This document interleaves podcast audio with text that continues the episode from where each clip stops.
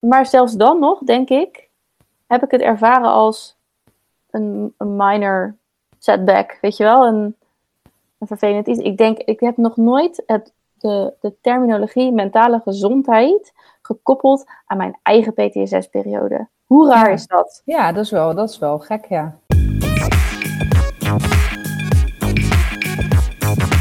Hey, goedemorgen, goedemiddag, goedenavond, goedenacht, wanneer je dit ook luistert. Ehm, welkom bij aflevering 46 van Strawberries on Fire. Althans, nu nog. Nu nog, ja. Oeh, teaser. Ja, even een aankondiging. Wij zijn nog steeds bezig met het bedenken en het in kaart brengen van de toekomst van deze podcast. Die zeker blijven staan, maar misschien een soort van rebranding ondergaat. Wie weet. van tweede persoonlijkheid krijgt. Of verbeterde persoonlijkheid. Nou, laat ik iets minder abstract zijn. We zijn dan bezig, bezig met nadenken over een andere naam. eh, die duidelijker is en fijner uit te spreken is. Voor mij. Wat Nou, ik zeggen? Vooral voor jou is dat eh, hè, een welkom. het leven gewoon makkelijker. Nee, hartstikke leuk dat je luistert. Dit is aflevering 46. Het is weer een thema-aflevering en wij gaan het hebben over mentale gezondheid.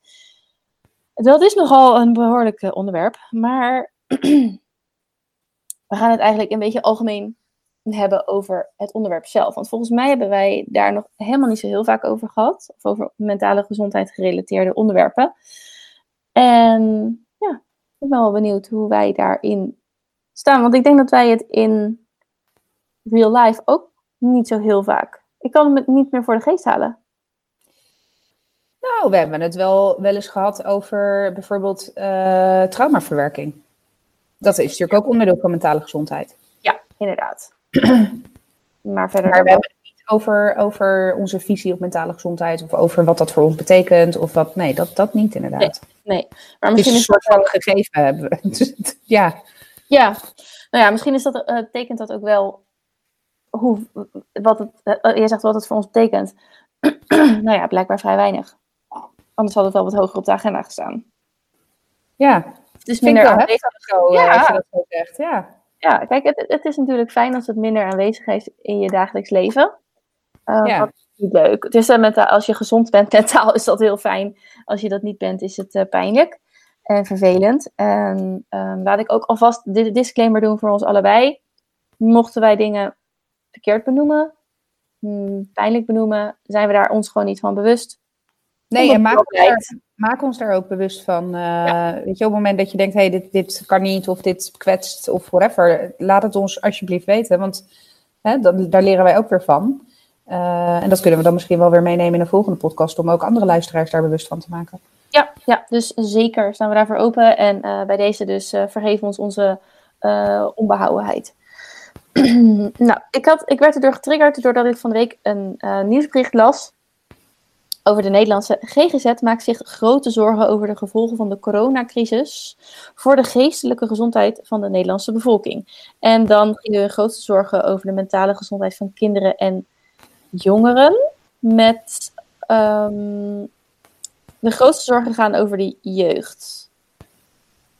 Ze lijden onder het stilvallen van sociale interacties onder de coronacrisis uh, in de lockdown.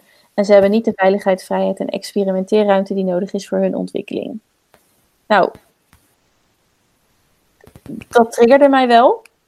Omdat ik dacht. Ja, ik. Ja, nee, weet je wat het ook is? Ik heb eigenlijk helemaal niet zo heel veel begrip voor de jongeren in deze crisis. En dat, bedoel ik niet dat ik hun problematiek wegzet als niet bestaand, maar ik, ik kan er niet zo goed bij.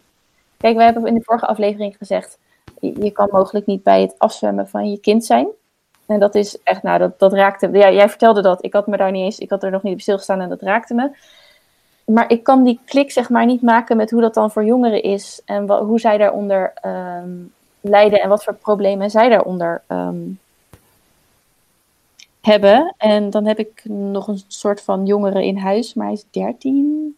Misschien dat dat net weer. Net nog te jong of zo is. Ja, om, ja. Dus um, dit triggerde mij vooral omdat ik dacht, oh, hebben die daar mentale problemen onder? Um, heb, jij daar, heb jij daar iets meer inzicht in?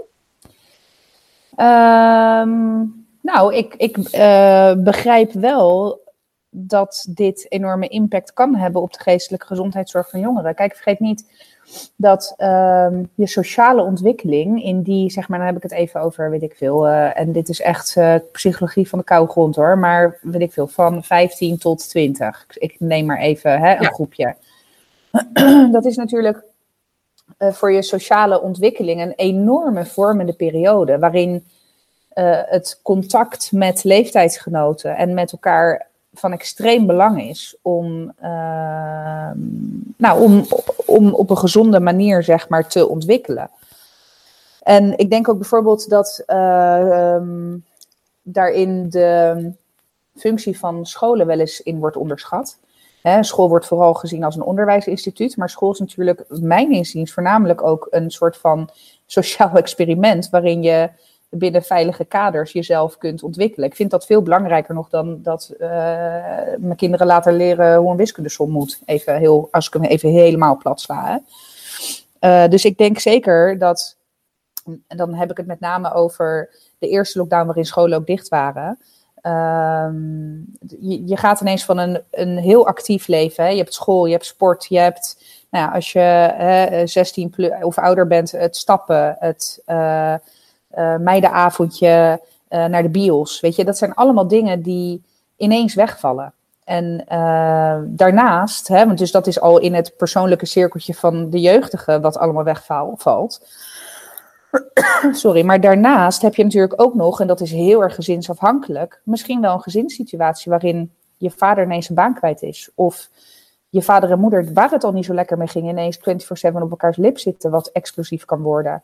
Um, je hebt angst voor het onbekende, wat al voor uh, rationeel volgroeide volwassen breinen heel moeilijk is om te graspen.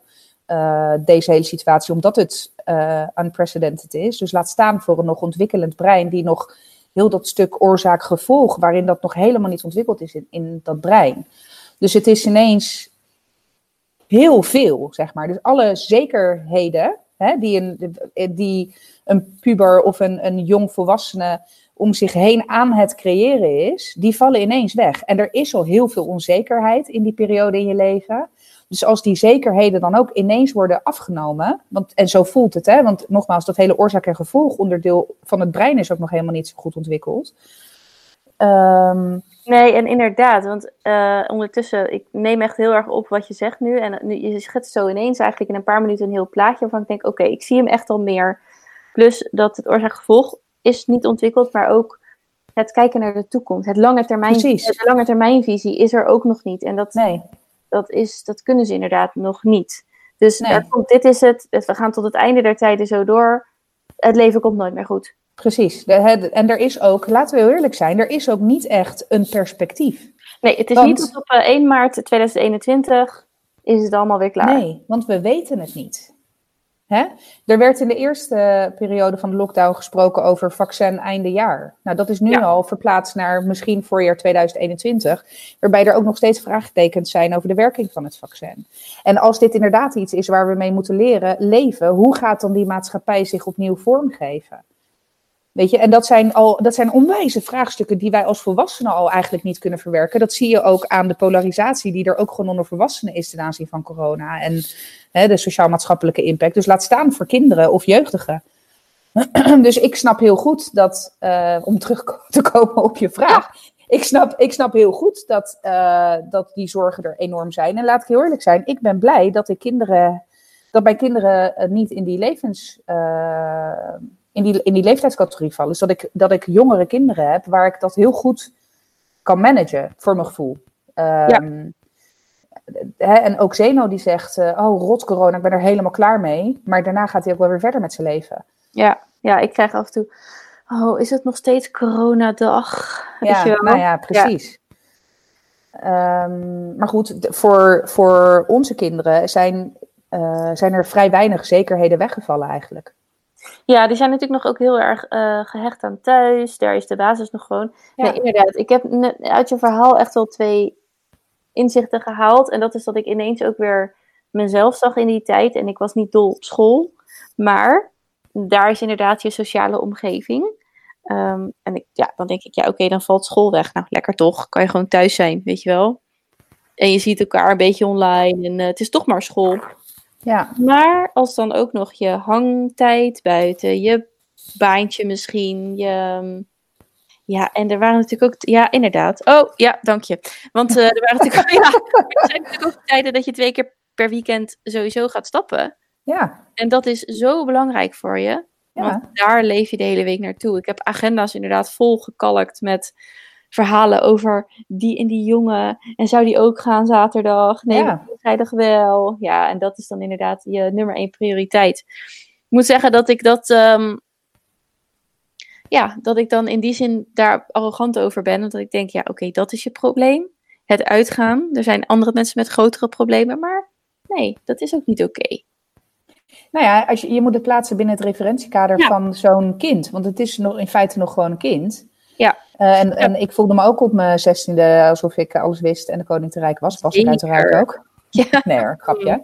Nee, maar de, de- hè, dus bepaalde gedachtepatronen, als je die plaatst dan binnen het referentiekader van een, ik noem nu even de 16 of 18-jarige, ja, dan snap ik heel goed dat die frustratie er is. Vind ik nog steeds niet dat, eh, dat daarmee bepaald gedrag goed gepraat wordt. Hè? De scheid aan corona en weet ik wat allemaal. Dat, dat terzijde. Ik denk dat daar ook echt een rol van de ouders is weggelegd. Ehm, en niet dat alle ouders dat niet goed hebben gedaan hoor. Want soms eh, ja, weet je, weet je ook, me- zit je ook met je handen in het haar met wat moet ik hier nou weer mee. en ik vind ook, dat vind ik echt, dat de overheid daar ook meer aandacht aan had moeten besteden. Eh, Ja, dat, en- zal je- dat zie je ook maar weer. Dat het ook alleen maar volwassenen zijn die vanuit hun eigen referentiekader denken. En dat het ook gewoon heel moeilijk is. Ik bedoel, ehm, ik stel er een, vla- een vraag over en ik word door jou al op, de, op een bepaalde manier van denken gewezen. En dan, heb ik het nog, dan praat ik er nog niet eens met een jongere over, zeg maar. Maar ehm, er zijn ook, wat mij, mij bleef hangen net is ook dat ehm, de puberteit is er ook voor om je af te zetten van thuis. Je wil juist Ja. weg van thuis. Terwijl als je kleine, kleine kinderen willen thuis zijn. Nou, als het thuis niet goed gaat, ja, dat is natuurlijk een beetje, dat is natuurlijk obvious. Dat is helemaal een eh toxic situatie. Maar als ik dan ook denk aan jongeren die bijvoorbeeld ehm, dingen aan het ontdekken zijn over zichzelf. En dat nog al wel met hun vrienden of vriendinnen delen. eh, maar dat thuis nog niet kwijt kunnen. En op, ja, ja, ik zie hem echt wel eh, wat helderder nu. Ik kan me dan ook echt wel, dan nu, nu dat, dat artikel me wel voorstellen dat er inderdaad meer, ehm, meer problemen zijn. En Plus het feit, en dat is een bijkomend eh, probleem van de, van de GGZ op dit moment. En dat, dat weet ik omdat er in, in mijn eh, nabije omgeving eh, mensen zijn die te maken hebben met het GGZ. Het is allemaal op afstand. Hè. Er zijn maar heel weinig ehm, faciliteiten op dit moment vanuit de GGZ die nog live ehm, zijn. Want ja, weet je, een gesprek met een, met een, een hulpverlener kan ook gewoon, zoals wij nu de podcast opnemen. ja, Uh, maar dan is nog steeds die afstand er. Um, en we zijn nou eenmaal sociale wezens. Dus dat is een, een, een, nog een, bijkomst, of een bijkomend uh, moeilijkheidsfactor. Is dat op het moment dat uh, mensen, even los van jongeren, maar gewoon mensen in het algemeen op dit moment aankloppen bij de GGZ. Um, nou, de, wachtlijst, de, was, de, de wachtlijsten zijn sowieso extreem binnen de GGZ. Um, maar de, hulp die je op dit moment aangeboden krijgt. En ik wil echt niet zeggen dat dat bij alle GGZ-instellingen en bij alle GGZ uh, ook zo is. Hè, maar het gros is gewoon op afstand. Um, vanuit ook, dat snap ik, veiligheidsoverwegingen ten aanzien van corona. Dus dat, dat maakt dan op, het moment dat je dan hulp vraagt, hè, of hulp zoekt, dan, ja, dan is ook die hulp ja, eigenlijk niet, misschien niet helemaal minder toereikend dan. Ja, minder, dat is het goede woord. Minder toereikend ja. dan wat het in een normale situatie zou, uh, zou zijn. Ja, maar wat is jouw. Um, Oké, okay, ik kan wel heel eerlijk over zijn dat problemen met mentale gezondheid is afgezien van. Um, mijn, ik heb zelf een ervaring met PTSS voor een latere keer. Maar afgezien daarvan heb ik het niet. Heb ik het niet in mijn omgeving, denk ik. Het staat best wel ver van mij af. Ja. Niet, niet mentaal gezond zijn, mentaal ziek, mentaal iets. Ja hoor, mentaal uh, ja. Je, je ja. bent gewoon in, in sommige gevallen, ik wil niet zeggen dat elke geestelijke aandoening een ziekte is. Uh, maar je kan, je kan wel gewoon ziek zijn, absoluut. Kijk, zou en ik heb. Ja? Zou je het kunnen zien als je hebt, een, je hebt natuurlijk je fysieke gezondheid met allerlei soorten ziektes van dien langlopend, kort, van een... Ja, je hebt alles variërend van een ingroeide teennagel tot uh, terminale kanker. ja, en, en alles wat ertussen zit. Precies, of, een levenslange uh, nou, diabetes bijvoorbeeld. Ja, nou dat is voor mij een levenslange diagnose inderdaad. Dat is iets waar ik altijd rekening mee zal moeten houden. Precies, is dat, is dat zo'nzelfde soort spectrum bij de mentale gezondheid? Ja, kijk, ik ben natuurlijk geen, uh, geen psycholoog of wat dan ook, maar dat is wel hoe ik het heb ervaren en hoe ik het ook zie. Ja, dus hè, je hebt gewoon. Uh, uh, nou, hè, dat, zie je ook, dat zie je trouwens ook wel in het hulpverleningslandschap. Jezus. dat de, de, de, coaches die als paddenstoelen schieten ze uit grond. Hè? Ja, ja. ja. Dat, de, dat kan op allerlei manieren, heb je coaching natuurlijk. Uh, maar dat is natuurlijk ook een vorm van het onderhouden van je geestelijke gezondheid. Kijk, en ik, dat kan zijn dat je bijvoorbeeld, uh, nou weet ik veel, uh, moeite hebt met werk-privé-balans. Ja, dat is dan voor mij, hoe ik het heb ervaren, want daar heb ik moeite mee gehad, is dat het equivalent van een ingroeide teennagel. Waar je even voor naar een, een huisarts gaat, of een podoloog, of een, een pedicure, weet ik veel. En dat wordt dan geregeld. Nou, weet je, ik ben toen twee keer naar zo'n soort loopbaancoach, weet ik veel, geweest. Uh, nou, en die heeft daar bepaalde angels uitgehaald. Die heeft me tot bepaalde inzichten gebracht. Nou, oké, ik kom weer verder met mijn leven. Uh, maar um, ik heb in het verleden ook een eetstoornis gehad. Waar ik hele intensieve therapie voor heb gevolgd. En in die periode, dat ging ook, hing ook samen met. Nou ja, ik heb nooit. nou, ik heb ooit één keer de diagnose depressie gehad. Want ik vind, dat vind ik altijd heel lastig, omdat. Ehm, hè, op een gegeven moment was het ook heel hip om depri te zijn. Oh ja, ik ben een beetje depri. Ja, uh, als je... ook, ik heb dat ook zo vaak gezegd. Ja, terwijl als je, eh, als je het echt hebt over depressiviteit en depressie, dat is, dat is wel echt even van een andere orde. Uh, daar waren voor mij gewoon echt hele periodes dat ik gewoon alleen maar in mijn bed lag. Um, en dat, dat manifesteerde zich he, ten tijde van die eetstoornis. Ja, dat was voor mij echt wel een hele heftige, donkere periode. Als je het hebt over mentale gezondheid.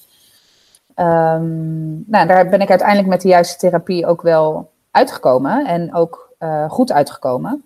Uh, ik heb ook al jaren daar geen last meer van.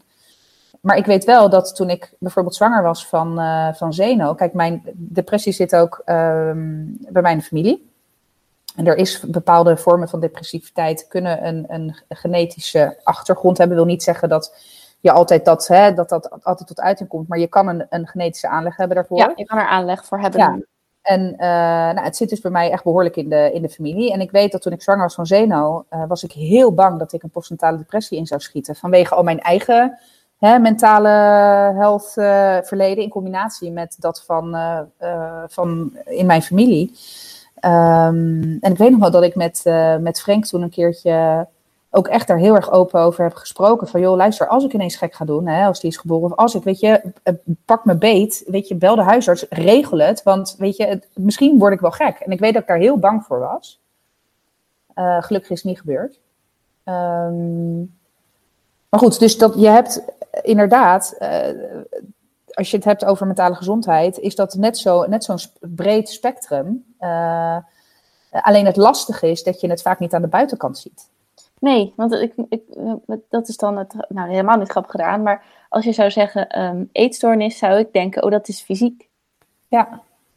Maar dat, uh, ja, ik, zo zie je, ik ben hier, ik ben er echt, uh, um, echt een newbie in. En nou ja, eigenlijk gelukkig maar. Maar um, uh, ja, want als je een, een oké, okay, dus ik zie het nu zo dat je twee kanten van de medaille hebt, zeg maar, met dezelfde soorten gradaties aan aandoeningen, laat ik het maar even zo zeggen. Ja. Ehm, maar aan de ene kant van de medaille is het, dit maakt het een niet prettiger dan het ander, maar als iemand bloedt, dan zie je dat hij het is heel zichtbaar. iets gebroken heeft, als iemand ja. uh, uh, fysiek gehandicapt is, of uh, minder valide is, sorry, dan zie je dat.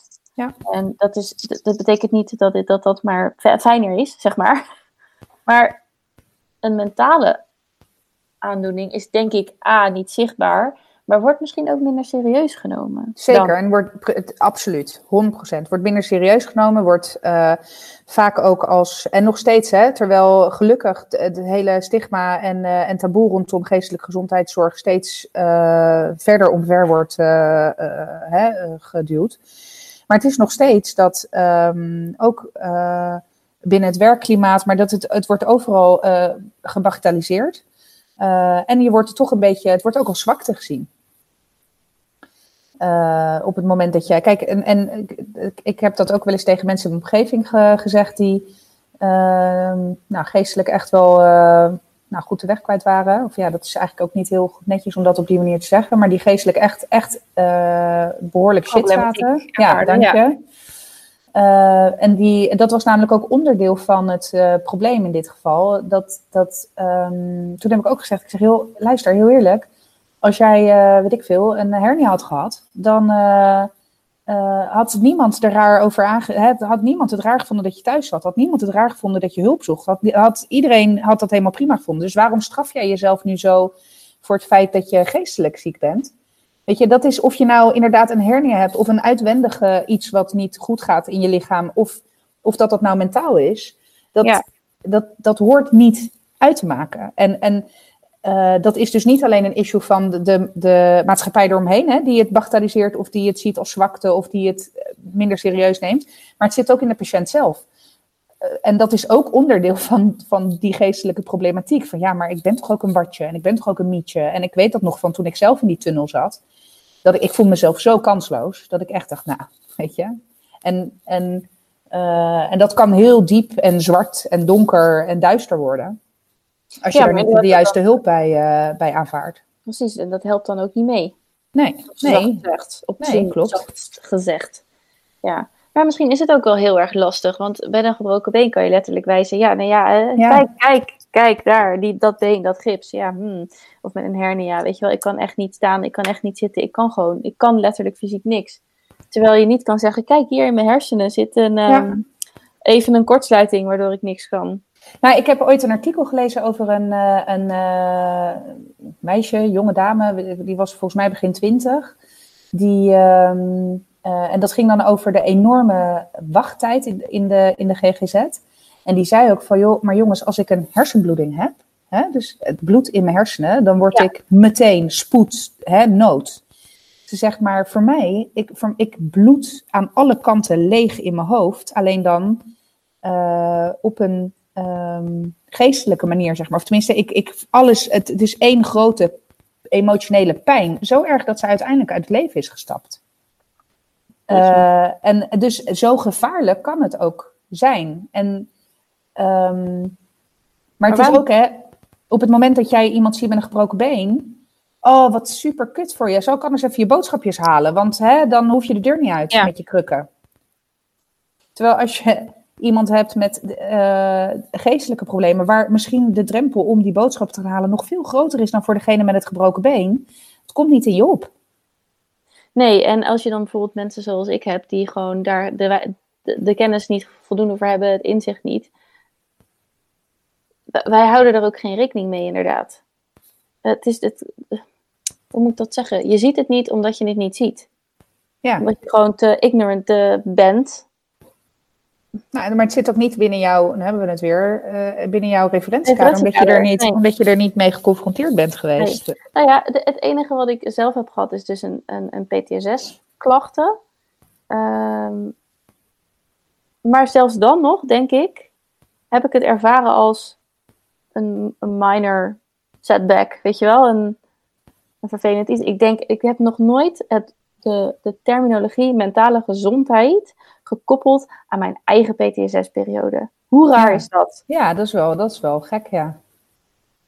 Terwijl je er wel in je dagelijkse leven last van had. Zeker, en flink ook. Het beïnvloedde echt je dagelijkse leven op een negatieve manier. Ja, ja. weet je wel, tot op het punt dat ik het ook gewoon, dat mij dus, um, ik kon mijn werk doen. Ik deed mijn werk prima, maar het kostte me uh, eh, 30 keer zoveel energie. Ja, dus, en het uh, uitte zich ook in fysieke klachten uiteindelijk. Ja, en zelfs dan. Maar goed, dus tot op dit moment heb ik dat nog nooit gekoppeld dus aan het hele mental health uh, spectrum of fenomeen. Dat het hetzelfde is als inderdaad een fysiek probleem wat je oplost door fysiotherapie te nemen. Ik noem nou maar wat. Ja, maar ja. zie jij even, en dat is, dan gaan we misschien een beetje op de zweefteef maar zie jij lichaam en geest als één? Mm, nou, op de op de gemiddelde manier, zoals ieder, zoals ieder simpel zeg maar, mens zal antwoorden van, oh ja, het heeft wel met elkaar te maken. Ik denk wel als je positief bent over iets, dat iets misschien makkelijker, dat, dat, het, dat het dubbeltje eerder naar de juiste kant valt. Ook als het gaat over fysieke gezondheid. Um, ik ben zeker niet van het kamp. Uh, um, als je maar positief denkt, dan uh, gaat kan alles je, over. Gaat nee. alles over. Hè, nee. Ja. Um, maar ik denk wel dat het iets met elkaar te maken heeft. Al was het maar omdat je altijd, als je altijd boos krijgt, krijg je automatisch rimpels. Maar ik heb, ben, ik ben niet zo. Ik heb, ik heb geen hele stappen in het holistisch denken over mens, lichaam. Nee, mind. Uh, hoe zeg je dat? Er is een driehoek: geest, lichaam. Ik weet het niet eens. Zie je dat? dus, nou ja, goed. Dus dat, uh, nee. En jij? Ben jij een holistisch persoon? Um, de juiste vraag weet ik niet, maar je snapt wat ik bedoel. Ja, ik snap wat je bedoelt. Ik denk dat ik daar ook een, een soort van gezonde rationaliteit ook in heb. Want uh, ik ben er wel van overtuigd dat als jij jezelf de hele dag vertelt dat je pijn in je kleine teen hebt, dat aan het eind van de avond je een kloppende kleine teen hebt. Uh, dus hè, in die zin ben ik wel echt ervan overtuigd dat lichaam en geest dieper verbonden zijn dan dat we in de westerse wereld uh, misschien denken. Maar ik ben de laatste om te zeggen, nou, ik kan mijn diabetes wegdenken. nee, dat, weet je, nee, dat, dat, ja, dat is een fysieke ja, dat is gewoon een mankement in mijn lijf. En dat heeft gewoon, ja. er is gewoon een gen bij mij wat niet helemaal lekker is doorgekomen tijdens de conceptie. Nou, best. Ja, weet je, ja. ja, ja, weet je. Uh, mijn moeder heeft me hele, of mijn vader, hele uh, andere mooie dingen wel meegegeven. Nou, dat ging even wat minder. Maar uh, nee, maar snap je? Dus kijk, het is niet dat ik, dat ik à la Jomanda iedere dag mezelf instraal of zo. Nee, absoluut niet. Maar ik geloof wel in, in dat. Uh, nou, ik geloof heel erg in energie en dat klinkt echt super zweverig, maar uh, ik geloof wel dat inderdaad, en dat kan je bereiken door een bepaalde mindset en bepaalde. Hè, maar ik geloof even, als ik het heel concreet maak, ik geloof niet per se hè, dat ik mijn diabetes kan wegdenken, maar ik geloof wel dat ik met mijn mindset en houding en uh, dus mijn levensstijl kan veranderen, waardoor de diabetes minder impact heeft, waardoor ik dus ook minder last ervan heb en waardoor het zowel mijn fysieke als mijn mentale gezondheid minder belast. Dus dat is meer hoe ik er Hè, uh, als ik hem even heel concreet maak in mijn situatie. Ja. Is het dan ook niet een vorm van acceptatie van de feiten? Uh, ja, dat is er wel onder. Op het moment dat je iets accepteert, dan ja. kun je ook uh, verder. Ja. Ja. Kijk, je hebt het al gezegd, in jouw dagelijkse leven of in jouw omgeving is überhaupt het, het mentale gezondheidsonderwerp wat meer um, aanwezig. Uh, relevant of aanwezig. Of relevant, ja. Ja. Vind ja. jij... Kijk, ik, ik mis het niet als het er niet over gaat. Dat is heel hard gezegd, maar dat, dat is gewoon nu eenmaal even de, de realiteit. Vind jij dat er... Nee, dat is een beetje een flauwe vraag, maar vind je dat er genoeg aandacht aan besteed wordt, wilde ik eigenlijk vragen. Maar ja. dat zal dan wel niet zo zijn, denk ik. Vul hem even voor je in. Hè? maar hoe zouden we... Hoe zouden we hoe zouden we daar nou meer aandacht aan kunnen hebben? Hoe zouden we het nu wel gewoon. Nou, ik vind dat het onderwijs daar uh, ook best wel wat mee kan. Weet oh, je, ja. we, we leren, en, en ik ben sowieso uh, niet super voorstander van hoe het onderwijs op dit moment geregeld is. En, niet, hè, en dan heb ik het meer over. Uh, ik vind gewoon dat er bepaalde lessen zijn in je leven die belangrijker zijn dan te weten dat x a kwadraat plus b kwadraat c kwadraat is kom ik toch Ja. weer terug op die flauwe wiskundesom, hè, de stelling van Pythagoras. Ja. maar ik, ik geloof echt dat er meer ruimte moet zijn voor, eh, voor geestelijke gezondheid. En als je het ook hebt over, nou, we, we hadden het in de vorige podcast over eh, het normaliseren van alle vormen vulva's. Zo ook het Ja. normaliseren van allerlei eh, eh, emoties en gevoelens. En, en er wordt echt wel, wel een beetje op de middelbare school. Hè? Niet, en dan praat ik even over mijn eigen middelbare schooltijd. Dus dat is ook alweer een tijdje geleden. Maar ehm, er werd wel een beetje over gepraat. Maar het, het, het was niet een terugkerend ehm, onderwerp. En, eh, en ik denk Ja, dat het ook belangrijk is om daar al op de basisschool mee te beginnen over het benoemen van emoties. Het, het, weet je, het- je, je mag boos zijn, je mag verdrietig zijn. Je, hè, dat, dat allemaal toelaten. Wij zijn nog net, denk ik wel, van de generatie van. eh, oh nee, je hoeft niet te huilen als je bent gevallen. Weet je wel? Of eh, oh, onderdruk het maar. Of doe maar gewoon, dan doe je al gek genoeg. Of hè? Huilen helpt ook niet. En huilen Precies. kom je niet verder. Ja. Precies. En in Dus zekere zin moet je op een gegeven moment ook wel verder. tuurlijk. Met tuurlijk. Nee, maar tuurlijk, weet je. maar, nee, maar als ik, hem ook, als ik hem zie in de parallel met bijvoorbeeld... Ik heb, uh, um, ik heb examen gedaan in biologie, dus ik heb uh, best wel veel stof daarover gehad. Um, ik denk dat het allemaal inderdaad op de anatomie gericht is. Ja. Um, en als het al, ja, nee, ik kan me niet. Ik denk dat het, als je het echt wil hebben over die mentale gezondheid en het mentale gestel van iemand, dan, ga je, dan, kom je ergens bij een universitaire studie psycholo psychologie of zo uit. Ja. Dan pas ga je het er echt over hebben. En nu wil ik niet zeggen dat inderdaad in de biologielessen zo diep op de, in moet, op de stof in moet gegaan worden als bij de universitaire studie psychologie. Maar als dit nou zoveel mensen treft en een zo groot probleem is, dan is algemene kennis daarover ook wel belangrijk. Nou, absoluut. ook over hoe je spieren werken en over hoe de bloedbanen lopen en rode bloedcellen en weet ik het allemaal. Maar ik heb dus geen idee. Het is of niet blijven hangen, dan is het ook niet voldoende herhaald. Nee. En ik denk ook, je zei net van, er wordt wel aandacht aan besteed op de middelbare school. Het is groot gelijk door mijn hoofd, ja, maar altijd als een probleem. Ja, dus hè, voel je je rot, spreek het dan uit bij de vertrouwenspersoon. Nou ja, weet je, zo'n stap is natuurlijk enorm. Dus het is niet, er wordt natuurlijk, eh, de mensen, oké, vooropgesteld mensen doen wat ze kunnen. En Tuurlijk. ik ben hartstikke blij met de GGZ'ers en mensen die daarin werkzaam zijn, want over zware banen gesproken. Nou, um, zeker. Ja, maar uh, in die zin wordt het inderdaad wel gepresenteerd als het, het gaat pas relevant worden als het een probleem is. En het is geen algemene kennis of normaler of je zegt tegen je omgeving wel, oh ik heb een beetje pijn in mijn rug, want ik heb denk ik verkeerd gezeten. Dat is natuurlijk nu ook heel erg. Uh, ja. Maar het is veel minder normaal. En dan denk iedereen, oh ja, ja, ja, vervelend. Maar het is veel minder normaal om te zeggen van, pff, ik voel me de laatste drie weken zo neerslachtig. Dan ja, ik, als iemand dat tegen mij zou zeggen, zou ik niet wegrennen, maar dan wel gelijk anders zeg oh, je fysiotherapie of probeer even rechtop te zitten. Of je weet een beetje hoe het werkt. Je weet een beetje hoe een rug in elkaar zit. Ja. Ik weet niet of ik nou precies de goede uh, Nee, ik snap, ik snap, ja, nee, maar ik snap heel goed wat je bedoelt. Ja. Ik, oh, geen flauw idee wat ik hiermee moet. Jeetje, is het erg? Is het, is het niet zo erg? Is het... Ga je, hè, wat, moet, wat moet ik hiermee? Ik heb, kan geen advies geven. Ik kan je niet bijstaan. Ik snap het niet. En dat, ja, dit, dat is natuurlijk het begin van, je moet iets wel enigszins kunnen begrijpen of er een gevoel bij kunnen hebben, wil je er ook een gesprek over kunnen hebben. Ja, en ik. en ik denk, ik, en ik denk uh, dat dat eigenlijk al op de basisschool, dat daar al de, uh, de grondslag voor gelegd moet worden. Ja. En zoals, zoals zoveel er, en dat, dat is lastige, want er is weet je, er is zoveel. En, en het curriculum, wat zowel op de basisschool als op de middelbare school wordt gehanteerd, is al moordend. Ja. Uh, ik, vind, echt, ik vind het zo bizar. We zijn als land super liberaal, behalve als het gaat over het onderwijs. Dat vind ik echt. Ja, dat, je moet zo in, het, in, het, in de stroom mee. En ik ben ook altijd wel heel erg um, geneigd om te zeggen: iemand moet die keuze maken, iemand moet daarover nadenken. En die, dat bepalen voor de hele samenleving is al best wel een taak. Dus de kritiek, um, daar, dat moet ook meewegen in de kritiek die je hebt.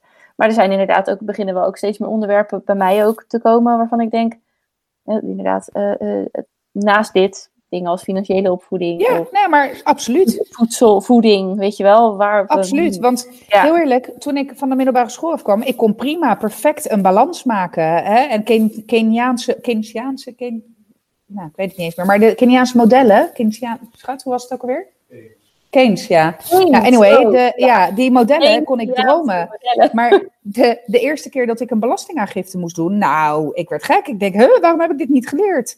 Weet dat je wel? is een biljet.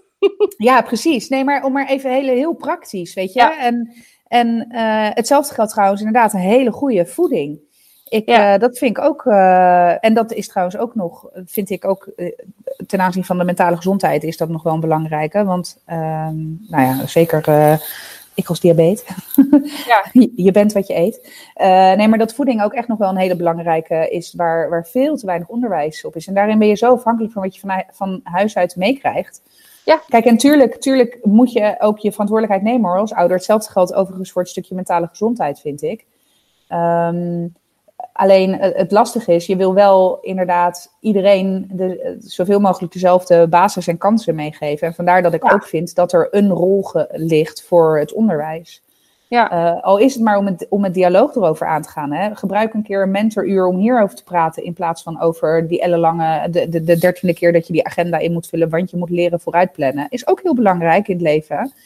Maar volgens mij is het ook heel belangrijk om in staat te kunnen zijn om vooruit te kunnen plannen. En dat je dus de mental sanity hebt om dat te doen. Maar ook om te leren hoe je bijvoorbeeld met tegenslag om moet gaan, weet je wel? Ja, ja precies. Dus dat je, de, ja, weer een onderwerp erbij wat, uh, wat meer. Maar uh, ik, uh, ik merk nu echt dat ik daar echt wat in gemist heb. Want als je er niet mee in aanraking komt, of minder mee in aanraking, of misschien ben ik er wel mee in aanraking gekomen, maar heb ik het gewoon niet herkend. Ja, ja. Hè? Dat, is natuurlijk, dat is eigenlijk nog ook wel heel erg pijnlijk. Um, ja, of heeft het me niet zo. Heeft het minder impact gemaakt? Of heb ik het minder belangrijk gevonden? Ja. Ja.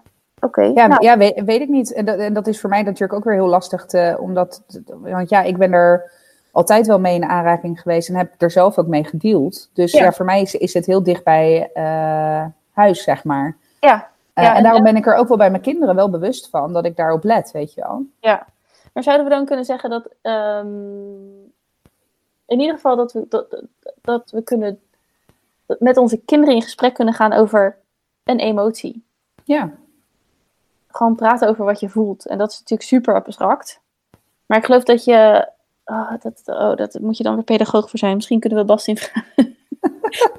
er was iets met. Er zijn vier of vijf emoties: boos, blij, bedroefd, bang of zo. Dat voor kinderen zijn dat zijn vier basis. Primaire, ja. En daarna, weet je, als je ouder bent, dan voel je je niet, dan ben je niet boos, maar teleurgesteld. Teleurgesteld. Oh ja. Dan, ja, gaat, dan gaat het iets meer, dan wordt het boompje wat breder, maar die vier dingen, daar kun je met kinderen best over praten.